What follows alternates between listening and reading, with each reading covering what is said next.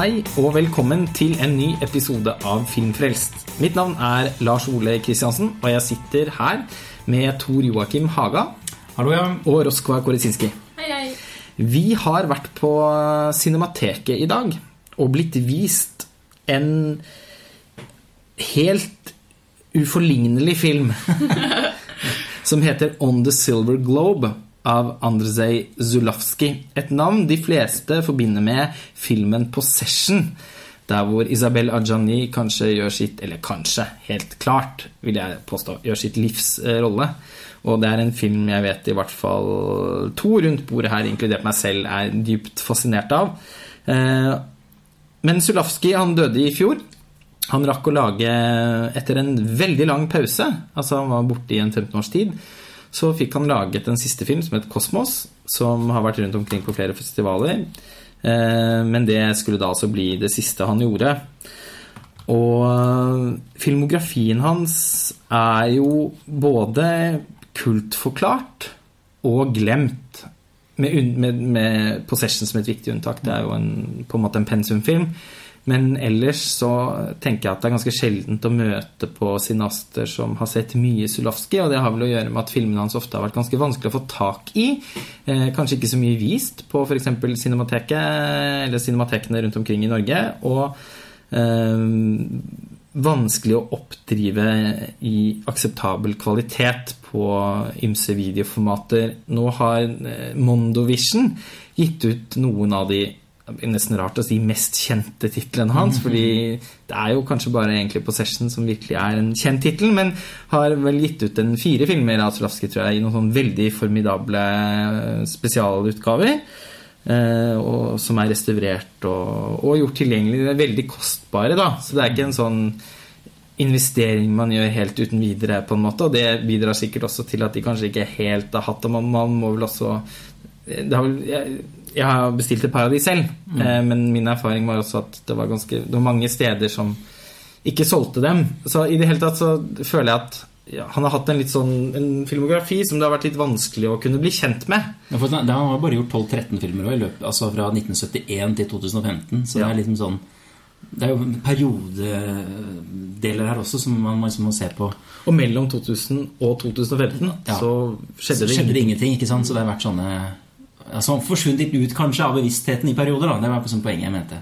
Du kan kanskje fortelle litt om eh, konteksten til den filmen vi har sett, Tor Joakim? Ja, altså den filmen vi har sett, altså On the Silver Globe, det er faktisk basert på eh, en bok, en trilogi, eh, av eh, Jerzy Zulawski, som er Andrej sin eh, hva heter det for noe? Grandonkel.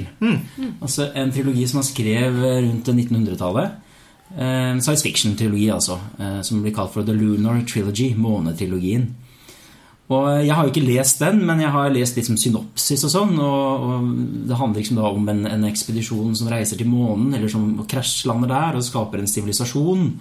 Og, og så, er det, så strekker det seg over flere, ikke bare tiår, men hundre år. da, Hvor man ser utviklingen til disse eh, grupperingene eh, i kjølvannet av de opprinnelige som krasjet. Og med masse eksistensielle spørsmål og sånne ting.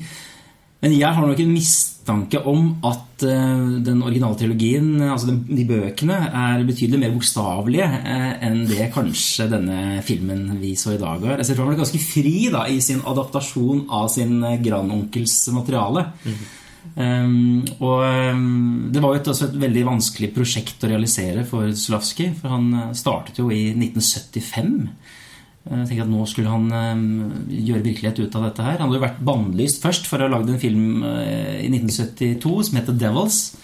Som ble veldig kontroversiell i Polen. Så han dro til Frankrike, og så dro han tilbake igjen til Polen for å prøve å lage denne, denne filmen. da. Og startet vel produksjonen i 77.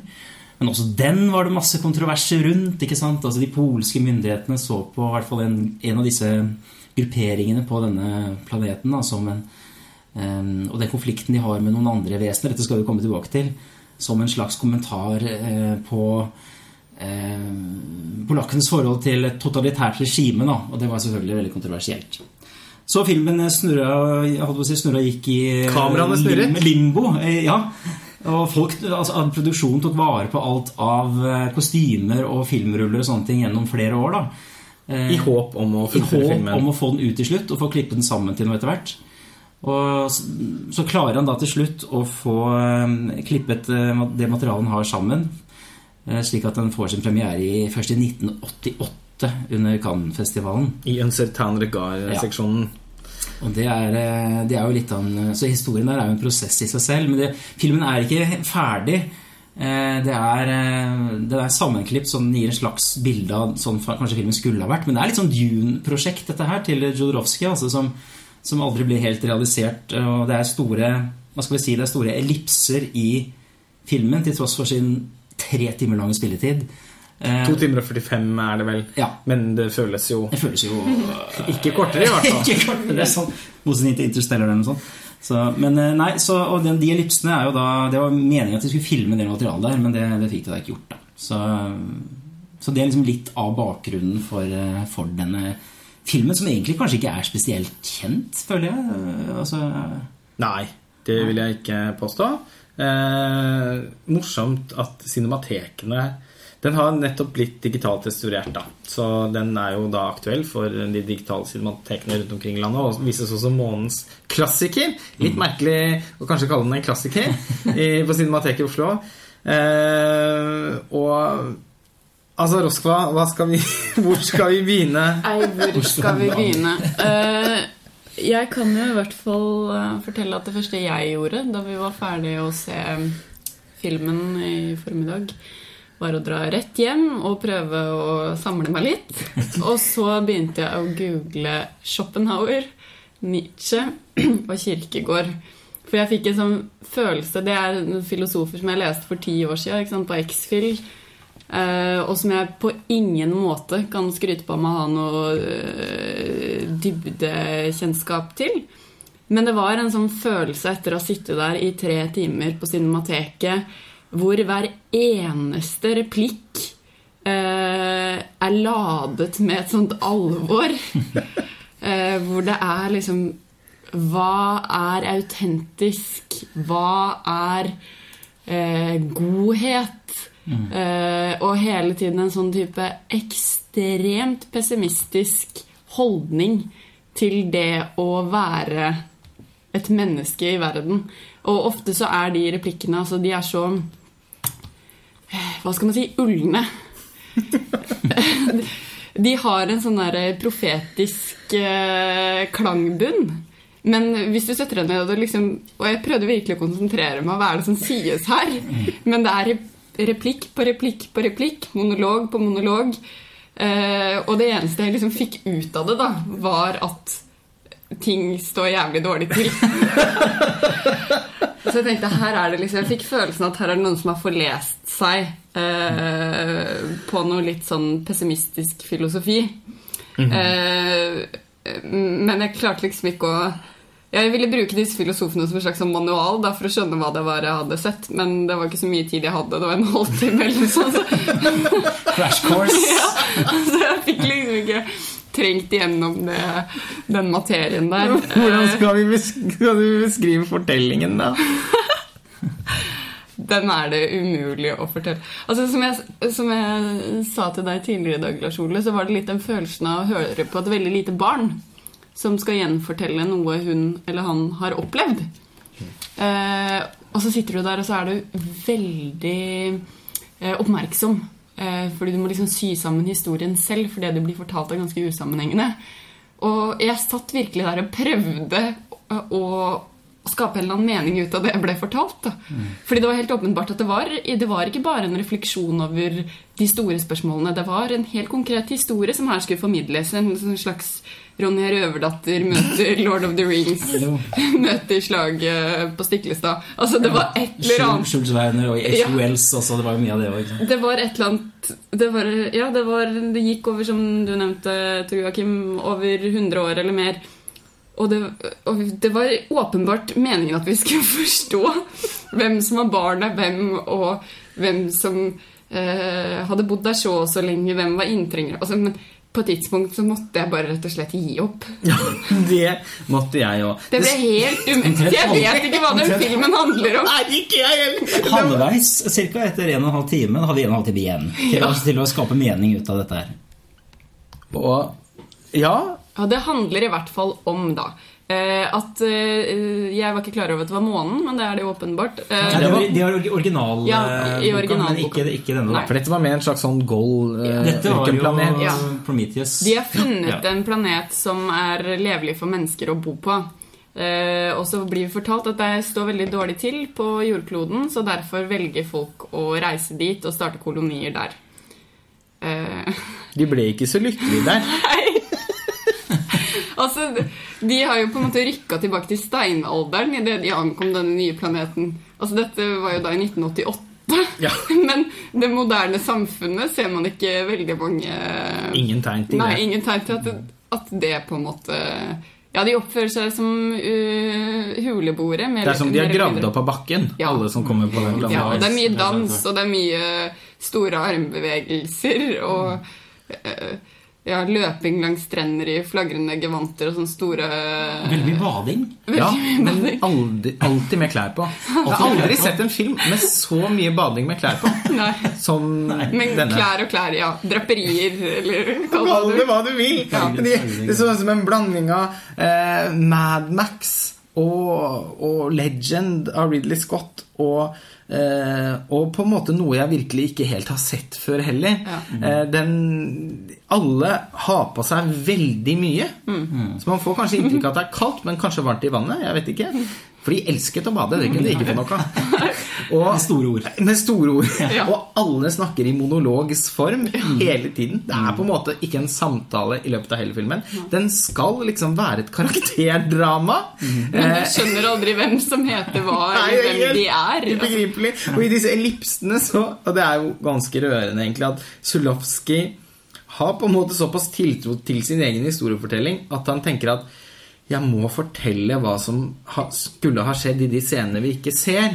Så da har han laget noen sånne montasjer med noen bilder av eh, Warszawa på 80-tallet. eller Ja. Det var for øvrig veldig flott.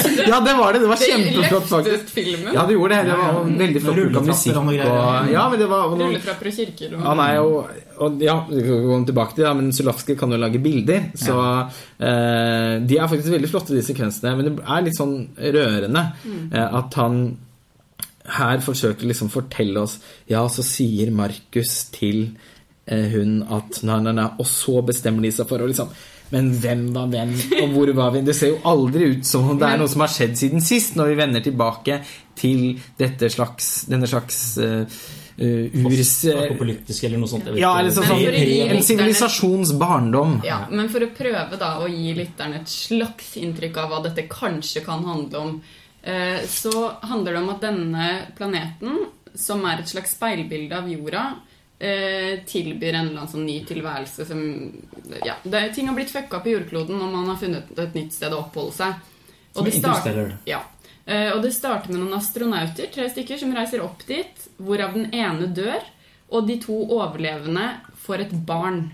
Og så vidt jeg forstår nå eh, Jeg skjønte det ikke da jeg satt der, men, men jeg tenker nå at de må på en måte ha vært Adam og Eva på den nye Ja, planeten. det er. Det må de ha vært. Og så får de en sønn eh, Som vokser overraskende som fort. vokser overraskende fort. Ja, for tiden går fortere på ja, denne planeten. det gjør den. Som Men bare for han, og ikke for foreldrene av en eller annen grunn. Eh, Fordi, kanskje fordi de har hatt oppveksten sin på jorda. Jeg veit ikke om, om det kan ha noe med det å gjøre. Men vi får aldri presentert hvor mange år det har gått før den neste Altså, vi hopper i tid uten å være klar over egentlig Er dette 50 år senere? Er det 100 år senere? For ja, i hvert fall plutselig så er denne planeten befolket av ekstremt mange mennesker. Og vi vet ikke egentlig helt hvordan de har kommet dit. Fordi hvis det bare var to mennesker der i utgangspunktet, hvordan har det Ja, du, du ser det så vidt. Det er en sekvens i en av disse åkrene i starten etter at de har fått jeg tror de har fått en sønn og en datter. Og det er jo rett og slett incestuøst. Bror og søster Ja, de får barn. eh, får barn. Og det er Ja, også det er i det kildematerialet. Og så, så starter Ja, ut det av det med en sivilisasjon, da. Nei, det var ikke så Nei, det var veldig vanskelig å med meg. Det var et sånt halvt blikk og en strå og en menneskelig der. Det var, men jeg, jeg så det, altså. Ja. Den skal du få. Imponerende, tror jeg. Kim.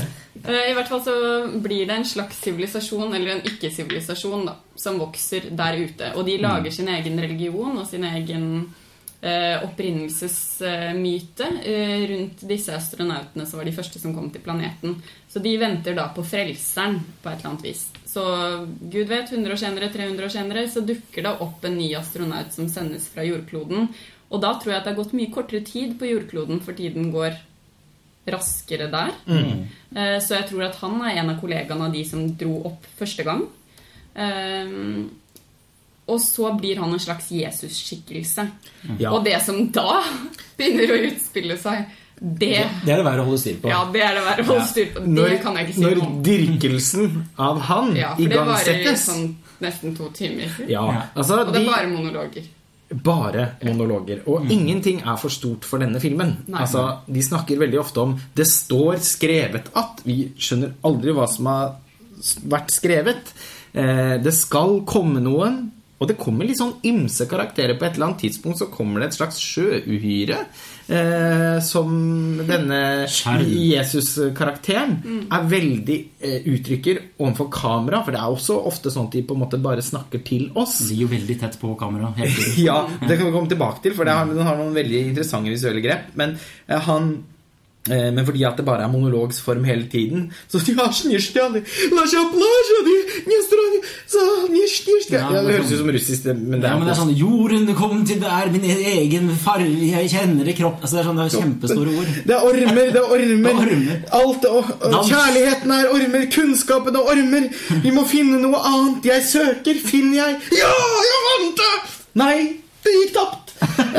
I samme ja. ja, og, og, Men han uttrykker på et eller annet tidspunkt da en voldsom orgasmisk begeistring for at nå har den endelig kommet! Denne skikkelsen. Eh, og så går han ut i vannet, selvfølgelig, eh, for å møte eh, skikkelsen.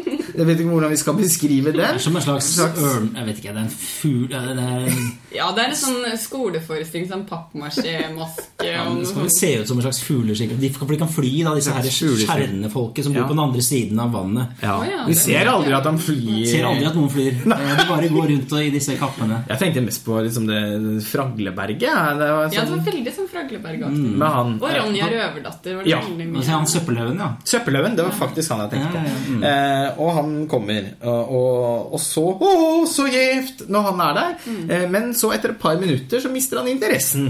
Å, nei! Og, oh, og så oppstår det en slags sånn rivalisering mellom dem. Eh, og han som har kommet, han har et tredje øye. Eh, for de hadde et tredje øye som de snakket med. ja det, var, jo- det var vel gjerne altså han, han, den, den onde denne søppelhaugen. Ja. Ja, er det for noe? ja, han for det var elektronisk mental- lysende. Det, ja, men han, det, det er jo fordi han hadde mental altså overføring.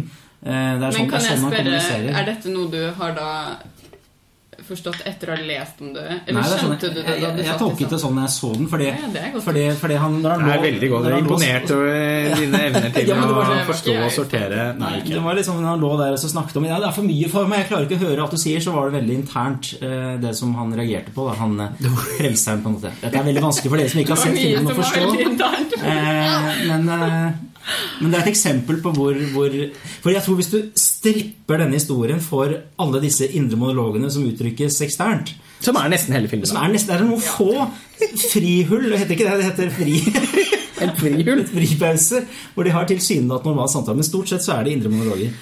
Eh, nå mista jeg tråden min. Hva var det jeg skulle si? Det var dette med han som hadde noen telepatiske evner og Men indre monologer, ja, men også indre monologer ropt ut, da.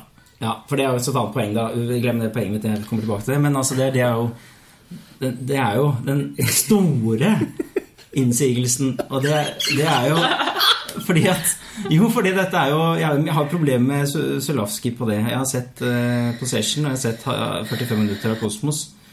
Og det er altså så mye skrik og spetakkel eh, og hysteri. Og det har jeg store problemer med generelt da med, med film. Det er kanskje min sånn personlige greie jeg har.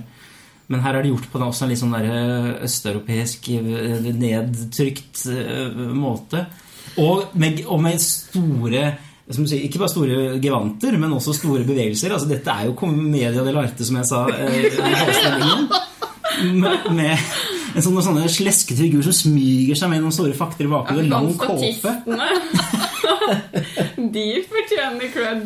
De har jobbet, De har jobbet for og det er mange av dem. Veldig mange. Mange. Så det må jo ha vært en veldig kostbar film. Ja. Jeg skjønner jo kanskje også at det polske filminstituttet på et eller annet tidspunkt følte at ja, kanskje de brukte en politisk årsak som Jeg eh, husker på dramalinja så ble vi fortalt sånn at vi, når vi var statister På Risum? Ja, på Risum så ble vi fortalt at hvis vi var statister, så var det veldig viktig at vi ikke overspilte, for vi måtte på en måte gi rommet til de som hadde hovedrollen i den scenen. Det har ikke disse statistene lært. Nei, Det åpenbart ikke! foregår ekstremt mye. Det er mye å se på i bildene her. Ja. Altså, det er jo ren eh, brygel. Hvis man, Ja, ja hvis man er opptatt av hva som skjer i, i alle kanter av bildet. Fordi som Roskva sier, så er statistene så on fire her at eh, alle går for Oscaren. Og med noe så- i gestikulering og dans og helt sånn Og, og den, han, han figuren som ligner litt på han, han eh, i Lord of the Rings, altså han eh, Smeagol? Nei, han eh, rådgiveren til Ormtunge? Ja, Ormtunge, ja. Grim Ormtunge. Grim, ja. Også han har en veldig artikulert uh, gestikulering. Og han har et sånn enormt slet, Slet. etter seg, som hadde en veldig komisk effekt. Det skal også sies at det var på et tidspunkt sånn halvannen time ut hvor vi alle tre bare satt og lo.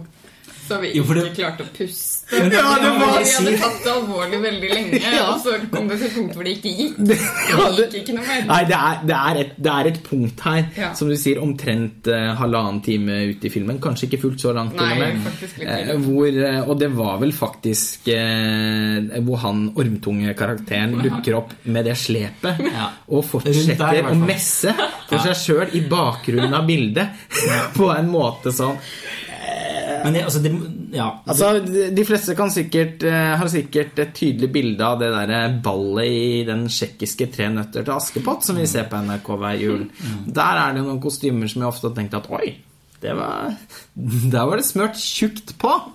Eh, og man kan vel kanskje gange det med 100 da, her. ja, Inkludert statistene. ja, Ja. ikke minst. Nei, men det, det, det er, den- switcher jo um, altså den er jo alt, den, to, Tonen er jo sånn gjennom hele filmen, men spesielt midtveis. Og det øyeblikket for meg som står sterkest, det er når da, Det var da jeg lo første gang. Jeg tillot meg å ordentlig le. Da Da skjønte jeg, da, da skjønte jeg hva dette var for noe. Da, Tvilen hadde kommet til gode frem til da. ikke sant? Og Det var et øyeblikk hvor da den, The Old Man, som er en av de originale astronautene som fremdeles lever, og, og har sett åpenbart flere generasjoner i sin levetid Ja, og det har jo noe med at han er fra jorda og lever på en måte i vanlig tempo, mens Yes. alle som fødes der, lever, Det lever som flu, døgnfluer, nærmest. ikke sant? Sammenlignet med det. Og da plutselig sier han bare et eller annet. Han skal komme med noen visdomsord. Han sier veldig lite, og så sier han Å, å jorden, sier han. Øl, eller. Og så, så, så, så, så, og så sier altså han sjefen for de der samme sier Den gamle mannen sier Å, jorden! sier han. Som om det var liksom en kjempestor revelation. Da, og det, da, skjønte, da var jeg liksom mentalt forberedt på Men det er jo, etter hvert så klusser det seg jo så voldsomt til i disse monologene, fordi ingenting er viktig nok. Eh, og hvor er vi kommet fra? Hva skal vi bli? Tror vi eller tviler vi? Kjærligheten eller kunnskapen? Ja, og det blir gibberish, fordi det er sånn Jeg tror vi alle tre har en viss evne til å forstå et filosofisk utsagn hvis det er presist. Mm. Og jeg kjente liksom på et slags mindreverdighetskompleks. I møte med filmen, ja.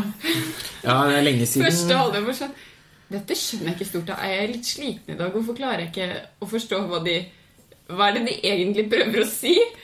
Men, men jeg skjønte Ja, hva at det er veldig mye her som ikke det, det må være skrevet i en eller annen så Jeg vet ikke hvor- hvordan han regissøren har hatt det, men jeg skal ærlig innrømme at jeg satt og tenkte at det, han kan ikke ha hatt det helt bra. Det er en sånn slags sånn eh, psykosefilosofi hvor alt virker som en åpenbaring, eh, og du har sånn ekstrem tiltro til ditt eget klarsyn. Men Eh, og så stor tiltro at du ikke jobber med setningene for å få dem til å faktisk eh, romme det du prøver å fortelle. Og det er litt det at han bare liksom har smelt på noen sånne antydninger.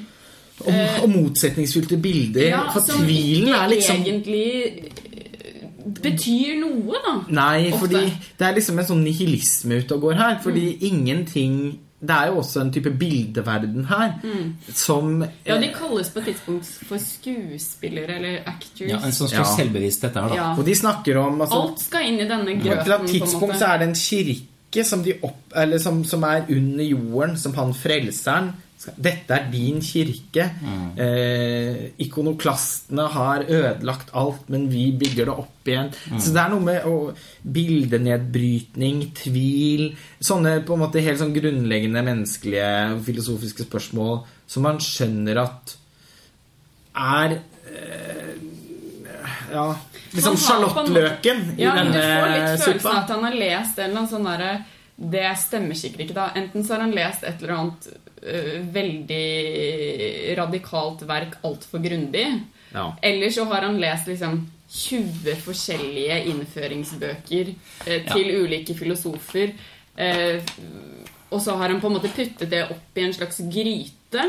Og så har han rørt rundt, og så har han liksom håpet på det beste. Jo, men det er, det er akkurat det som er poenget. Altså, jeg ser at Originallitteraturen har jo også referanser. Jeg ser at den har Spinoza, von Hartmann, Avenarius Den har også filosofer innbakt i sitt materiale, men det er en mye mer bokstavelig fortelling. Ja. Og jeg tror at han, eh, altså selveste Zulaski, da har, har brukt det kildematerialet og prøver å komplisere det på mest mulig vis da, gjennom eh, Det burde han kanskje ikke ha gjort. Det burde han aldri gjort. Jeg Men tenk at, han har, tenk at han sittet og skrevet dette. Det er nesten det som er eh, helt Og så har han regissert etterpå skuespilleren altså sa- sagt at kan du gjøre dette noe så inn i helvetes dramatisk? Eh, Så disse ordene, ordene som står på papiret. Ja. Og den, den kombinasjonen der med det, det Jeg har kommet til å tenke på den filmen til Herzog som heter Heart of Glass. Eh, vet ikke hva den heter på norsk. Eller på tysk. Hearts of Glass, eller noe sånt. noe. Eh, hvor alle skuespillerne var under hypnose.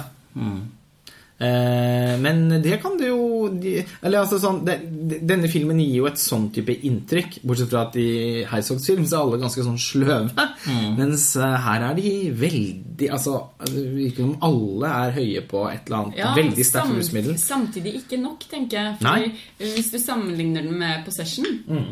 der får du jo virkelig en følelse av at, at skuespillerne har trådt over en eller annen grense Mm. hvor de ikke er hvor de på ingen måte ser seg selv utenfra og ikke er i stand til å sensurere seg selv og bare gjør og er og føler. Og selvfølgelig det er veldig voldsomt i den filmen, men jeg syns det funker. Men det Mens springer jo ut du- av noe.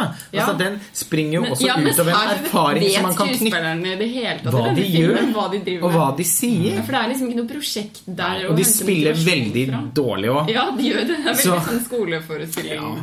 Så det, er- det virker jo ikke som Man får jo aldri inntrykk av at skuespillerne har på en måte forstått hva de snakker om. Og det, der har man jo Altså, filmen har veldig lite til felles med Possession, bortsett fra enkelte visuelle ting og en sånn febril, Ja. eh, en sånn manisk Hysteri. tone. Det kan vi komme litt tilbake til. Men, eh, men Isabella Gianni, da, for eksempel, når hun har vært på butikken og handlet Melk. melk i Possession og får et angstanfall nede på den T-banestasjonen der, så er det altså Angstanfall. det Ja, miss, miscarriage. Altså, det er jo ikke mer enn det, da. Men ja. Ja da. Mm. Men altså, hun eh, blir jo liksom Hun går Besatt. ut eh, bes, Ikke sant? Hun går ut av seg selv. Det er det eneste øyeblikket i den filmen du ser at hun for Hun er hysterisk andre steder òg, men det, dette er virkelig møte, føler jeg, med, med Ja, for der, altså, det, det kombineres også en ren sånn fysisk kroppslig reaksjon Mm. med hennes psykiske tilstand i en, et helvete av en scene. Det var noe av det grusomste som er lagd på film. Klart ikke måtte, ja, mm, Ja, ja, ja men For ørene. helt Ja, jeg syns det er helt fantastisk, da. Eh, og, og, og Isabel Ajani skjønner jo hva hun holder på med. Altså, hun vet hvilken historie hun forteller. Og det er også en historien i Possession springer er, Man kan se at den springer ut av noen erfaringer som Zulawski har gjort seg selv i livet. Eh, og det blir veldig vanskelig å det, det er det vanskelig å få øye på. I, I denne science fiction-filmen. Ja, og så fiction-filmen. kler det universet i Possession bedre også fordi det nettopp er den derre eh, lavere middelklassehjemmet med alle på en måte Rammen er så utrolig dempa og nedpå. Og nettopp derfor så blir den overskridelsen så sterk. Men i en film som dette, hvor på en måte du allerede har reist i en fremmed planet, folk er kledd som eh, monstre, og så i tillegg kjøre på med den spillestilen på toppen av det. Det blir bare rett og slett flesk på flesk på Ja, flesk. og det er, akkurat, det, er, det er akkurat det det gjør, og det var også mitt poeng, egentlig. Fordi på Possession Jeg er jo ikke så glad i den filmen, men det som er bra med den, er jo at det er Zulawskis visjon fra start til slutt, føler jeg.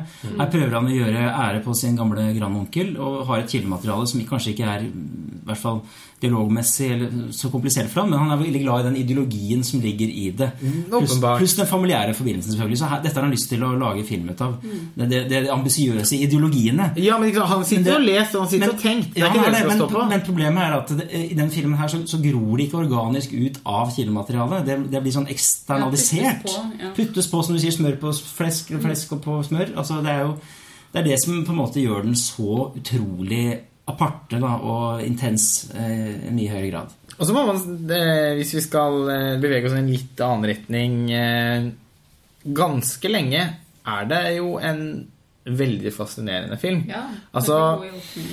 Uff, altså at denne filmen at, at den kinoopplevelsen vi hadde i dag var enestående og uforglemmelig, det er det jo ingen tvil om. Nei. Eh, Jeg har jo ikke klart å tenke på så innmari mye annet etterpå. Jeg, eh, hele min helg var preget av den eh, framføringen som Benedicte Adrian hadde på Stjernekamp. Jeg har nesten ikke klart å tenke på noe annet jeg, siden lørdag kveld enn den. Jeg pleier ikke engang å se på det programmet, for jeg syns det ofte blir litt, rett og slett litt for tøft. For jeg syns det er så flaut. Men jeg unna meg det på lørdag. Og har altså nesten ikke klart å tenke på noe annet enn hennes YouTube-tolkning. Eh, og den innpakningen rundt, med introduksjonen rundt at eh, Publikum er mitt kor. publikum er mitt kor. Og ønsket om å gjøre comeback. Og dette er litt eh, faktisk ny sjanse for meg. Eh, og jeg, jeg, jeg skal ikke få noe mer inn i det, men av alle audiovisuelle visuelle opplevelser de siste par ukene, så er det den som har gjort klart mest inntrykk.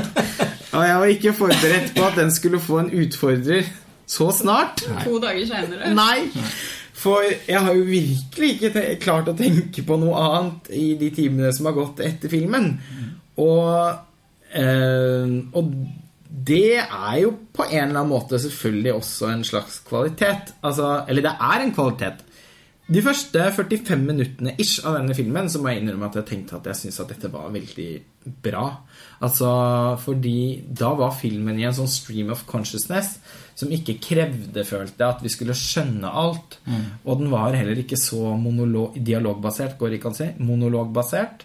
Eh, Det var det, men ikke i så stor jo, grad. men på en mer sånn eh, må, Altså på en måte som var enklere å ikke måtte eh, Den var, den var ikke profetisk. Nei. Og den var ikke Altså den var ikke så messende, rett og slett. Mm. Og det var unektelig et veldig visuelt fascinerende univers å komme inn i. Det var det. Det var jo for meg som fikk assosiasjoner til eh, Prometheus og Alien Covenant, altså de planetene man, man kommer til der, hvordan det var visualisert. Mm. spilte inn på masse forskjellige steder denne filmen, i å si, og i Makedonia, overalt. Eh, Men Og det var flott. Og også disse draktene til disse astronautene, som også hadde en liksom bio... Ja, men de var fantastisk design. flotte. Kjempeflott. Og, og egentlig og lyssettingen som Ja, var litt sånn døsk, sånn blåaktig døsk. Ja. Altså, der var det også Det utrolig var mye fint. Og klippingen. Og klippingen. fordi det, filmen har en sånn eh, bruk av jump cut som jeg nesten aldri har sett Ja, det maken var til. veldig det, Det, funka kjempebra. Ja, det gjorde skikkelig inntrykk. Men det gjør jo Solaski også. På, hvis man hører på, på, ser på Possession, så har han også i hvert fall musikalsk jump cuts. Altså han starter en sekvens, og så kutter han abrupt når det klippes til en, til en, en helt annet sted. Da. Ja, men det, Det som er spesielt her, er jo at han eh, bruker jump cut. Gjør det på close-up. Ja, sånn. altså på en, Jeg har ikke sett noen gjøre det på en mer radikal måte, egentlig. I monologer så Og der til og med tidlig i filmen så er det faktisk også noen, noen situasjoner hvor noen snakker litt sammen. Men hvor han eh, For filmen er jo veldig sånn tydelig dubbet. Så lydsporet bare fort, Altså, det er ikke klippet opp. Så Men mens innad i en, liksom en monolog så rykker bildet. Cirka hvert sånn tredje-fjerde sekund. Og det var nesten konsekvent gjennom den første timen av filmen. Funka kjempebra. Også- Kjempebra. Også kryssklippingen til jorda, altså til 80-talls Warszawa. Ja, som også synes fungerte bra de første 45 minuttene. Ja, men de gjorde det. Eh, og, Litt sånn, sånn uh, Solaris-aktig med, med syns jeg, som var litt fint. Ja, og, og da kunne man også Da var det ikke sånn at man nødvendigvis følte at han forsøkte å få denne historien til å henge sammen. Etter hvert så blir det bare sånn at han skal forklare hva som skjer, og det har vi mistet interessen for. Men i begynnelsen så har jo de mer sånn poetisk klang. Og, eh, og som sagt, denne klippingen som, den, den gjør veldig inntrykk fordi at han bygger en sånn følelse av angst. Som han jo også gjør fantastisk bra i Possession, da, bare på en litt annen måte. Eh, han har også laget en film som heter La Femme Publique, eh, som er laget etter Possession, som jeg også syns er veldig fascinerende, og som har den samme febrile stilen. Altså, det, han har ikke den kryssklipping, eller kryssklipping, eh, jumpcut-teknikken der, men eh, der er det kamera hele tiden i bevegelse. En volds, den er også ganske sånn spelaktig. Eh, Gålåvatnet altså, eh, med oh, Men i en bysetting, og, og der går man litt mer sånn fra rom fra sted til sted, og med langt større variasjon. Så det er mye mer fascinerende audiovisuelle reise i lengden, syns jeg, enn det uh, den filmen den vi snakker om, Uh, endte med å bli. Men han har noe sånn manisk, uh, febrilt, litt sånn Sånn spasmisk nesten over filmskapingen sin, som er helt spesielt, og som gjør veldig inntrykk. Og I den første delen av filmen så kjenner man virkelig altså Da er det, som du pleier å snakke om, tror jeg, at det er en viseral opplevelse. Ja, det det. Og en annen ting er jo at eh, store del, altså at filmen liksom er nesten filmet på med GoPro Mhm. À la 80-tallet. Altså det er en karakter som har med seg kamera. Hjelmen eller noe sånt. Ja, Mm. og filmer og snakker til kamera noen ganger. Eh, og tar hendene foran linsen. Sånn er nesten, Ja, Hele faktisk, filmen er jo sånn, da. Det er en veldig Ja, men det er sånn mer altså de, de bruddene på en måte med den fjerde veggen, mm. de skjer jo nesten utelukkende. Og det er veldig far-fetched, egentlig, men jeg så opp igjen eh, Funny Games her om dagen. Ja. Eh, og og jeg, tenkte faktisk på den et Ja. par ganger i dag. Til tross for at selvfølgelig hele universet Det kunne ikke vært mer annerledes. Men det er også i en del av disse monologene om, eh, om vold, om ondskapen i verden, så bryter plutselig en av skuespillerne eh, og ser inn i kameraet og sier 'Hva tenker du om dette?' Mm. Eh, Syns du dette er overbevisende? Og så er man liksom, det er, ikke, det er ikke det tydelige forholdet som det er i Funny Games mellom på en måte dette er fiksjon, og skal du, sånn skal du forholde deg til dette universet. Eh, fordi vi, det er jo helt åpenbart at dette ikke liksom først og fremst tematiserer at dette er skuespillere som framstiller noe for oss. Vi skal på en måte tro på det og være med på det, men samtidig så har den noen av de der Funny Games-brudda som som man får en sånn følelse igjen da, om at det er ekstremt mye han vil gjøre Ja.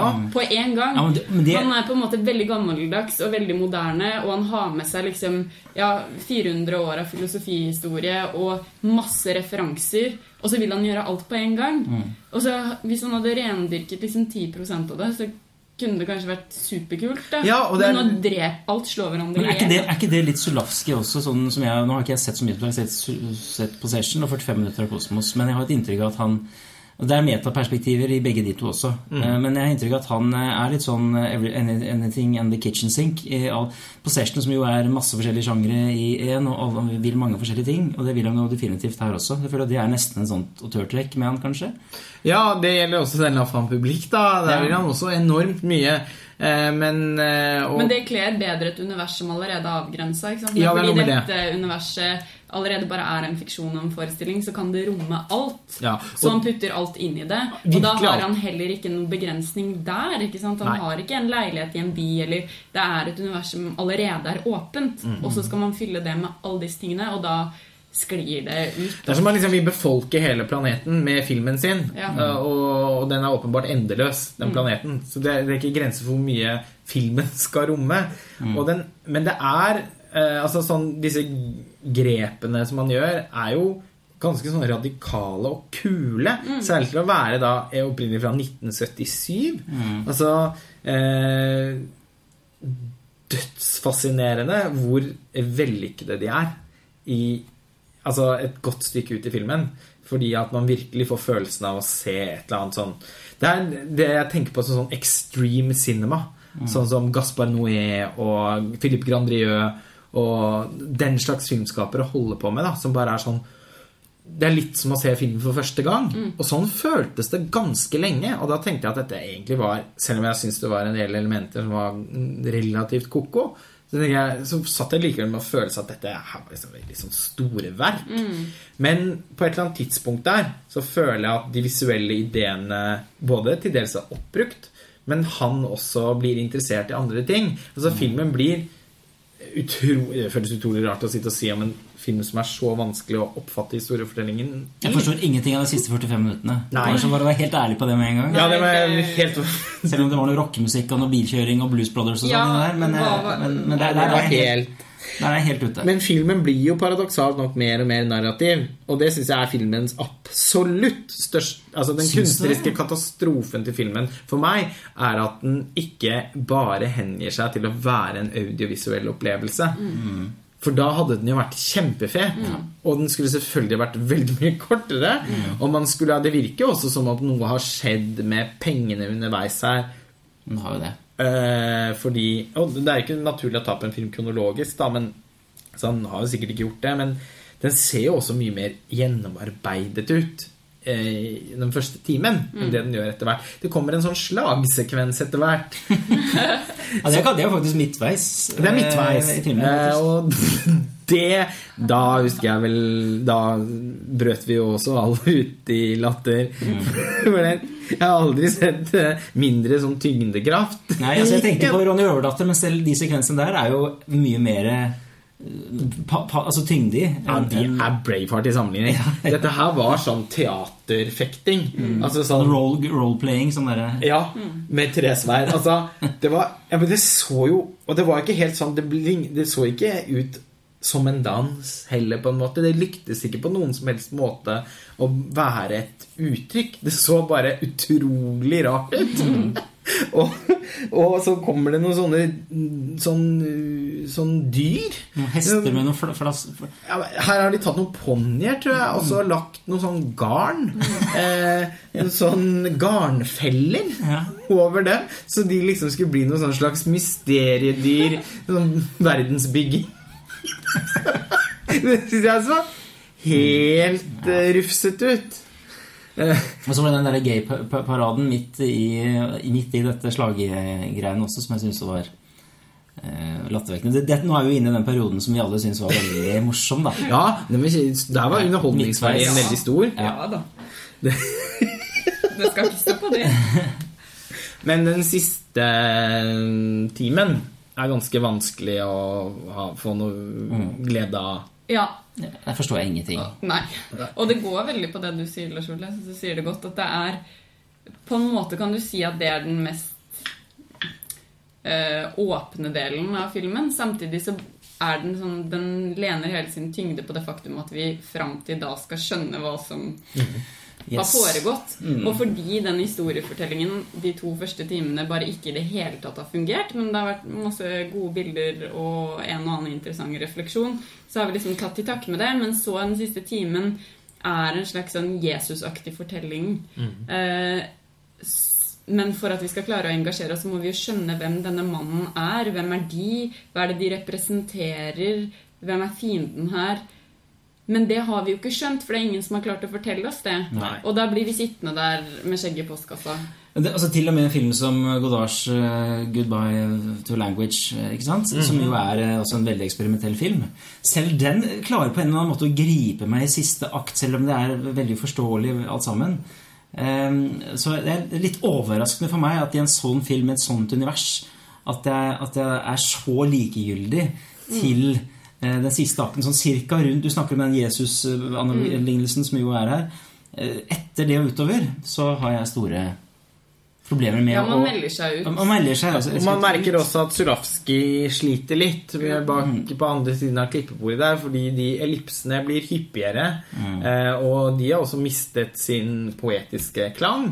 Nå er det jo som man desperat forsøker å forklare oss eh, hva, hvorfor det som skjer, hva som står på spill. Eh, og det ble like lattervekkende som det var intenst kjedelig. Men, men jeg må likevel Så kan jeg ikke komme til noen annen konklusjon enn Man burde se den. Ja! Ja. Fordi det er Jeg har aldri sett maken. Men samtidig så hadde vi en fordel, for det var bare oss tre i salen, og vi kunne tillate oss å le Det kunne vi. Å snakke høyt og og gå snakke høyt. og- Og jeg tenker den største Altså, tenk for en straff det er å gå og sette seg den, i den kinosalen med 30 andre som sitter og prøver å ta dette veldig alvorlig, og så sitter du der i tre timer med det her. Og på Cinemateket hvor det ikke er litt sånn ugreit å le og Ja. sånn. Det var klart, det var en det luksus. Det kan være veldig tøft. Eh, Det var ikke det. Vi satt jo veldig konsentrert og så Ja, filmen.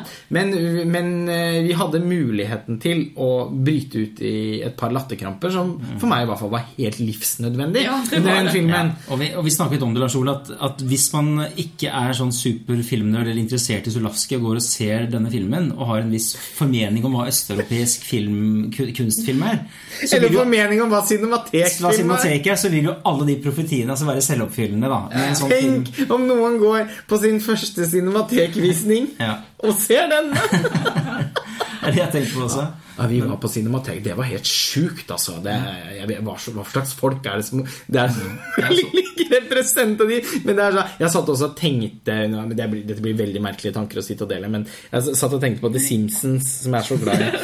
Fordi noen ganger der så er det sparebluss eh, på TV-en, og da kan de ikke sende Itchy and Scratchy Show, men må sende et østeuropeisk alternativ. sånn abstrakte strektegninger. sånn. Og jeg så litt for meg at denne liksom, hvis det var Avatar som skulle ha blitt sendt, så var dette erstatningen. Ja.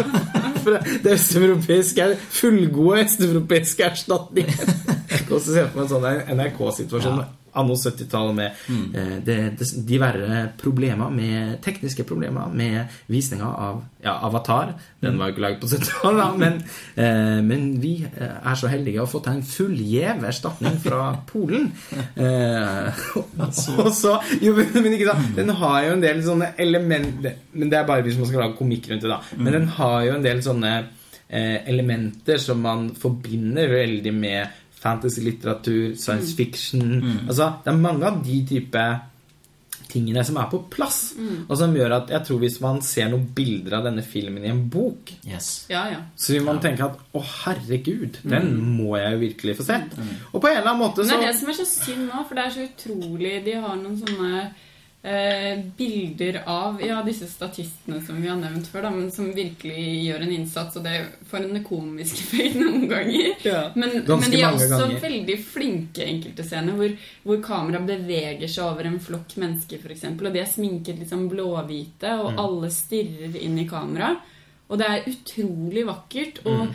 virkningsfullt, men det er når du har sett det da 17 ganger i løpet av en time, så vrir det seg om å, bli noe annet. Mm. Ja, det er det, for det Og så at ikke kan roe seg ned med skrikinga litt. Det bare noe helt Ja, banalt det er sagt. hele tiden altså, skrudd opp. Ja, men du skulle opp og opp og opp, og Ja, opp hele og ikke bare liksom rent at du hører skriking, men blikket nå. ikke sant? Alle blikkene er til enhver tid blikkene til en eller annen person som ligger på dødsleiet. da. Og Og, det går- tre timer med det, da er det liksom, da slår alle disse inntrykkene hverandre i hjel, og så sitter du der, og så blir det bare komikk. Da. Det gjør det, og det Og og, fordi filmen har ingen humor heller. Nei, det er den i hvert fall ikke! Selv om, selv om de ler jo noen ganger, da. Men det virker jo ja, det er, Altså sånn de, sier, de, de sier. De grå- selvironi. ikke sant? De gråter og ler. de gråter og ler. Ja, det- Ha, ha, ha, ha, ha, ha. Jesus, Jesus. Altså, det alt er jo bare hemskt. Eh, og, men det er jo noe med at i begynnelsen av filmen så har man faktisk eh, ørene litt på stilk. Og for, den har f.eks. Et, lenge et veldig fascinerende lyddesign. Med masse eh, natur og, og liksom elementer elementer, sanseinntrykk, som, eh, som liksom er filmen. Men det blir jo også litt sånn kastet på sjøen etter hvert, fordi at denne gapende monologiseringen Mm, Voldsomt melodramatiske Comedia dell'arte-aktige de ja. dreper jo det Ja, men altså, det, det blir jo ikke noen andre lyder etter hvert enn disse gapende stemmene. Og eh, det er liksom her hvor han liksom virkelig ikke finner balansen, da. Og, og det blir mer og mer garn. Og det blir mer og mer av disse draperiene og, og, og, og sjal og farger og tang og tare jeg vet ikke hva de hadde på seg etter hvert der. Men det lignet til slutt ikke helt kunst, syns jeg. Det var bare eh, et eh, skikkelig rot. Ja. Og, men sånn sett er det selvfølgelig en veldig fascinerende film å se. Det er litt estetikken bare Det er kanskje ikke noe viktig å si, men det er litt den estetikken som Bjørk kjørte på det derre Volta-albumet. Det det er er jo liksom- kjempepresist! Bare at det er liksom det er litt den hobbyversjonen av det. Ja, for ikke krevd- like Nei, det er liksom sånn Du ser på de bildene som Bjørk brukte som promobilder da. Var det mye garn? Ja, Og så er det liksom sånn Hvordan gjør du dette hjemme? Selv? Ja, det var det veldig sant. For det, faktisk veldig presist.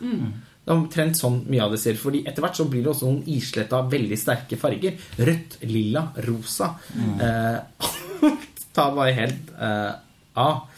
Men, Men eh, jeg tror at man må jo må altså forberede de som har tenkt å gå og se denne filmen da den neste måneden. Altså at det, det er Se den med en venn, vil jeg si. Ikke se den alene. Nei. For det kan eh, Man må ha noen å Ja, men jeg synes den fortjener- diskutere den med Ja. etterpå. Det fortjener en liten advarsel sånn sett. Altså Samme som jeg skulle sagt at noen skulle se Satan Tango eller noe sånt.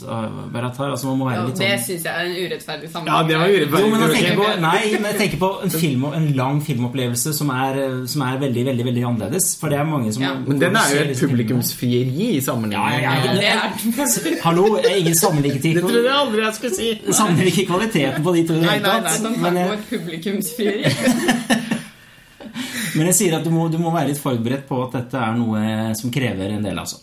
Ja, men jeg føler likevel at vi ender med å anbefale opplevelsen av å se den. Ja. Det ligner ikke noe annet man har sett. Og hvor ofte er det man støter på noe så egenartet, mm. og som egentlig skaper så ikke, altså, Både opplevelsen i seg selv, og ikke minst de timene som følger, særlig hvis man tilbringer dem sammen, hvis man har gått og sett den, eh, får jo eh, Altså, den, den, den underholdningen man får av å ha sett en så spesiell film.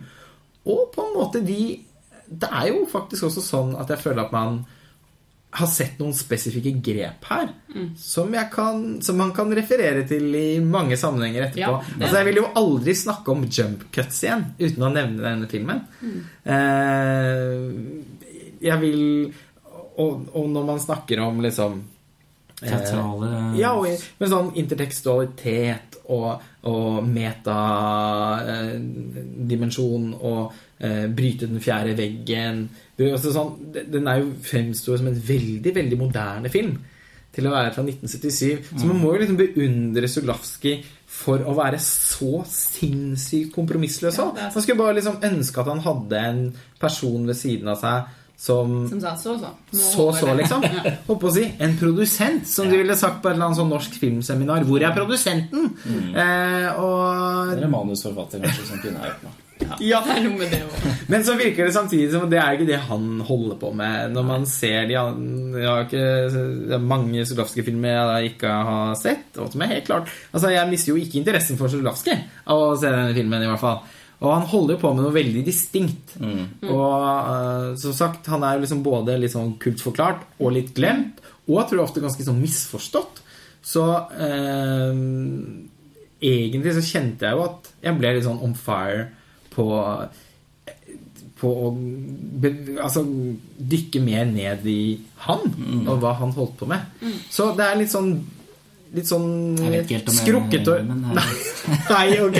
Jo, men jeg skjønner hva du mener, for jeg tenker også at uh, Nå har jeg bare sett Possession, bortsett fra den her. Mm. Men Men kanskje er dette også det verket hvor ting sklei ut. ikke sant? Det, vi tenker Hans at dette speiler ikke ja, det speiler ikke ja. filmografien hans, men jeg har generelt større respekt for kunstnere som tillater seg et prosjekt eller Ja. to hvor ting virkelig går bananas, Mm. og det ikke finnes egentlig noen inngang til en fortolkning, fordi de har, er så for, for det gjenspeiler jo også at han er ekstremt glødende engasjert i det her. Det her kommer jo ikke fra en likegyldighet, det er jo helt åpenbart. Det er åpenbart. Eh, det er et, heller et altfor stort overskudd.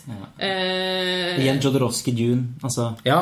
og det i seg selv er litt kult, da. Eh, og tegner på en måte godt for resten av kunstnerskapet. Ja, og i denne La Femme-publikk fra 1984, som er laget etter Possession, så tar han opp i seg mange av de samme tingene. Man ser, altså, fortellerstilen. Mm. og egentlig nesten sånn universet ligner ganske mye på denne filmen, men er mer disiplinert og funker mye bedre som en helhet. Mm. så Og sånn sett så blir det jo, får man jo enda større eh, slags eh, Ikke sympati, det teit, men sånn eh, fascinasjon for at han sklir så ut i, i den filmen her. Jeg kom også til å tenke på eh, en annen film. Henri Georges Clouseau, franske filmskaperen, eh, hans, det som skulle bli hans største verk, 'Inferno', det var jo en produksjon som eh, hadde lignende type skjebne. Eh, den ble jo aldri da lansert som en film i hans tid. Den gikk bare fullstendig i oppløsning. Men det var et eksempel på en filmskaper som fikk for stor eh, kunstnerisk frihet eh, for sitt eget beste. Og som endte med å rote seg bort i sitt eget prosjekt, og hvor etter hvert den ene etter den andre bare måtte forlate innspillingen. Eh, og hvor han til slutt satt med et åpenbart veldig visjonært og spennende prosjekt som han ikke visste hvor begynte og hvor sluttet. Og den har man laget en Altså, det ble laget i 2009, tror jeg. eh, En innmari fascinerende dokumentarfilm som eh, forteller egentlig historien Det man har av klipp og ikke alt, for det var jo enormt mye opptak de gjorde, sånn som man skjønner gjennom å ha sett den filmen, men hvor man eh, eh, forsøker å eh, klistre sammen en del av de fragmentene til, for at vi skal få et inntrykk av hva slags film Inferno hadde blitt, samtidig som de forteller om prosessen, og hvorfor den kollapset, og hvorfor den er en sånn eh, skikkelig sånn eh, Ikaros-myte av en eh, filmproduksjon. Så Skulle gjerne likt å sette det på denne også, kanskje? En dokumentar om eh, Ja, det hadde Det vært hadde vært fascinerende. Ja. Mm. Og vi får jo et lite innblikk i det fordi han Altså, Epilogen i filmen her er jo at regissøren selv forteller om hvordan han ble motarbeida. Ja, starten og slutten, Ja, han er helt åpenbart Mm. bitter over hvordan polske filminstitutt eller hva det er for noe, eh, har behandla han. Skulle gjerne visst litt mer om det der. Ja, altså det er den filmen man blir veldig sulten på å se. Hvis nå denne digitale restaureringen uh, fører med seg en uh, Blu-ray-utgivelse, svært sannsynlig, så kan man jo håpe på at det kommer noe veldig fascinerende ekstramateriale på den. Det er sikkert mange spennende historier å fortelle om den filmen. Det tror jeg definitivt. Og kanskje har man også rukket å eh, sikre noen intervjuer med Zulawski før Ja, eh, hans død. Mm. Skal vi si at nok er nok? har fått, eh, det er en film det er masse å si om, og jeg føler vi har dekka det meste. Ikke for enhver smak. Nei. Ikke for noen smak, men allikevel en stor opplevelse. Eller en opplevelse som kan riste litt i det. Ja. Ja, Ja, ja. det er greit. Jeg kan være med på det, da. ja. den rister litt i deg. Det gjør den. Jeg må si det. Uh, enten, altså, ikke på de måtene den selv har lyst til å riste i Nei. Nei. Nei.